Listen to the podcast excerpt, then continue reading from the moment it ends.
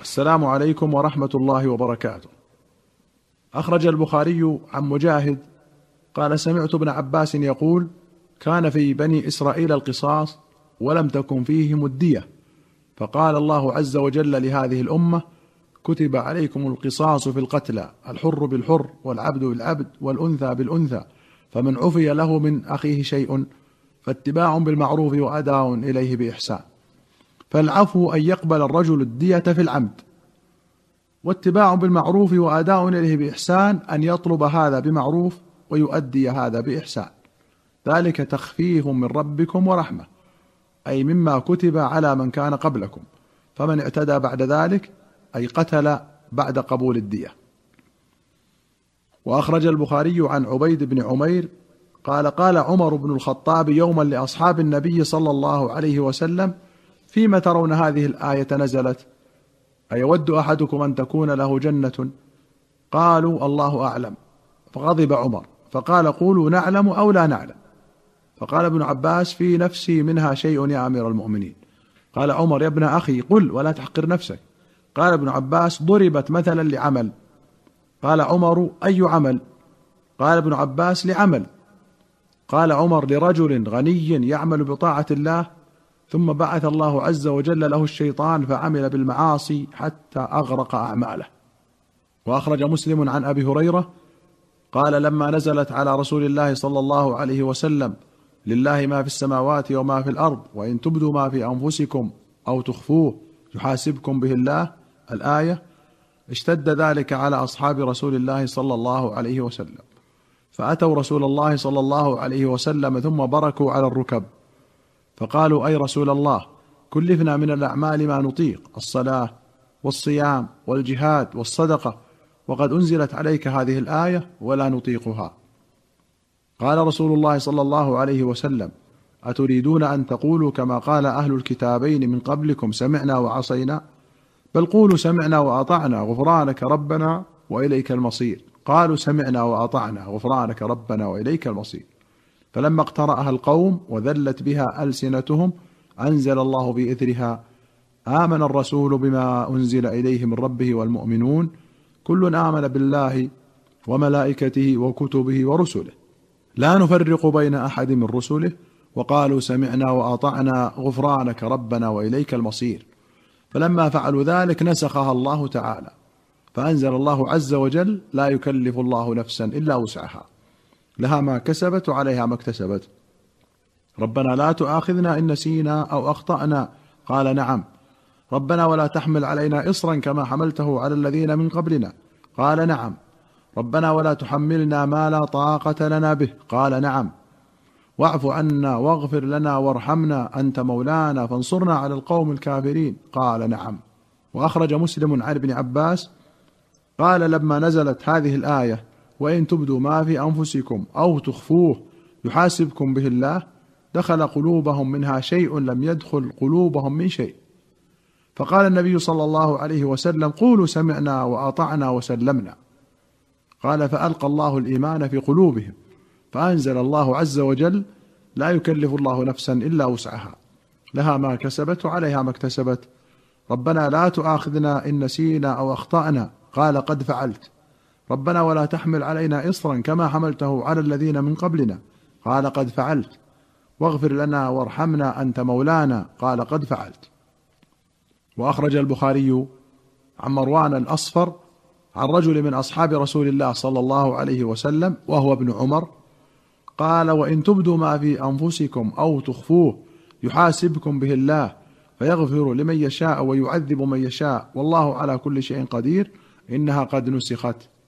وفي رواية نسختها الآية التي بعدها.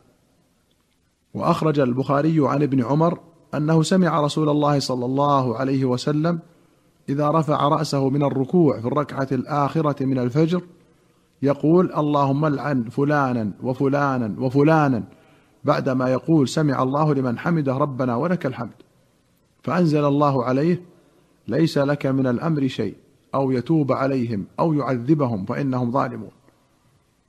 وفي رواية معلقة قال وعن حنظلة بن أبي سفيان عن سالم قال كان النبي صلى الله عليه وسلم يدعو على صفوان بن أمية وسهيل بن عمرو والحارث بن هشام فنزلت ليس لك من الأمر شيء إلى قوله فإنهم ظالمون.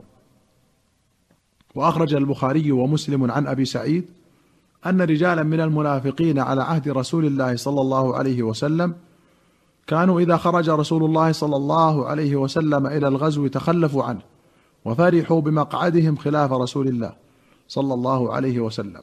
فإذا قدم رسول الله صلى الله عليه وسلم اعتذروا إليه وحلفوا له وأحبوا أن يحمدوا بما لم يفعلوا. فنزلت لا تحسبن الذين يفرحون بما أتوا ويحبون أن يحمدوا بما لم يفعلوا الآية. وأخرج البخاري ومسلم عن حميد بن عبد الرحمن بن عوف أن مروان قال لبوابه اذهب يا رافع إلى ابن عباس. فقل لئن كان كل امرئ منا فرح بما أتى وأحب أن يحمد بما لم يفعل معذبا لنعذبن أجمعون. فقال ابن عباس ما لكم ولهذه؟ إنما دعا النبي صلى الله عليه وسلم يهود فسألهم عن شيء فكتموه إياه وأخبروه بغيره. فأروه أن قد استحمدوا إليه بما أخبروه عنه فيما سألهم وفرحوا بما أتوا من كتمانهم. ثم قرأ ابن عباس واذا أخذ الله ميثاق الذين أوتوا الكتاب حتى قوله يفرحون بما أتوا ويحبون أن يحمدوا بما لم يفعلوا.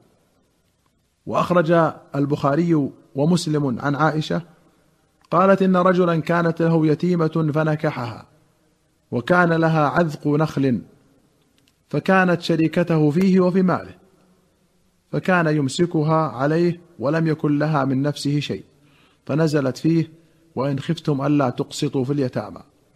وفي رواية أن عروة سألها عن قول الله تعالى وإن خفتم ألا تقسطوا في اليتامى فانكحوا إلى قوله أو ما ملكت أيمانكم.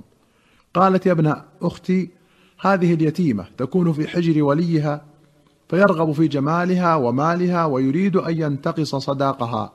فنهوا عن نكاحهن إلا أن يقسطوا لهن في إكمال الصداق وأمروا بنكاح من سواهن. قالت عائشة فاستفتى الناس رسول الله صلى الله عليه وسلم بعد ذلك فأنزل الله تعالى ويستفتونك في النساء إلى قوله وترغبون أن تنكحوهن فبين الله لهم أن اليتيمة إذا كانت ذات جمال ومال رغبوا في نكاحها ولم يلحقوها بسنتها في إكمال الصداق. وإذا كانت مرغوبا عنها في قلة المال والجمال تركوها والتمسوا غيرها من النساء.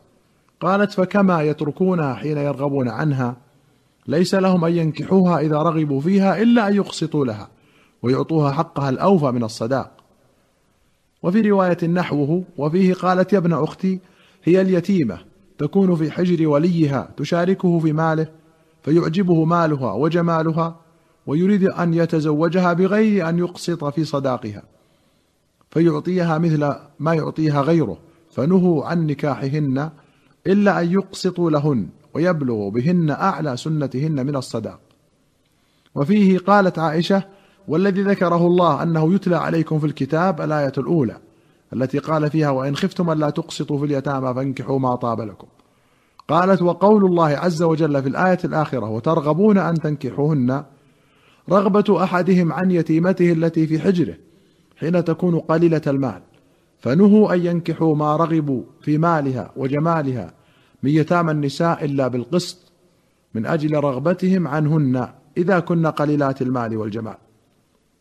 وفي أخرى عنها في قوله ويستفتونك في النساء قل الله يفتيكم فيهن إلى آخر الآية قالت هي اليتيمة تكون في حجر الرجل. قد شركته في ماله فيرغب عنها أن يتزوجها ويكره أن يزوجها غيره فيدخل عليه في ماله فيحبسها فنهاهم الله عن ذلك. قوله عذق نخل بالفتح هي النخلة مع حملها وهو المراد هنا. وقولها لم يكن لها من نفسه شيء أي لم يعاملها معاملة الأزواج ولم يمتعها بنفسه زوجا. أيها المستمعون الكرام إلى هنا نأتي إلى نهاية هذه الحلقة. حتى نلقاكم في الحلقة القادمة نستودعكم الله والسلام عليكم ورحمة الله وبركاته.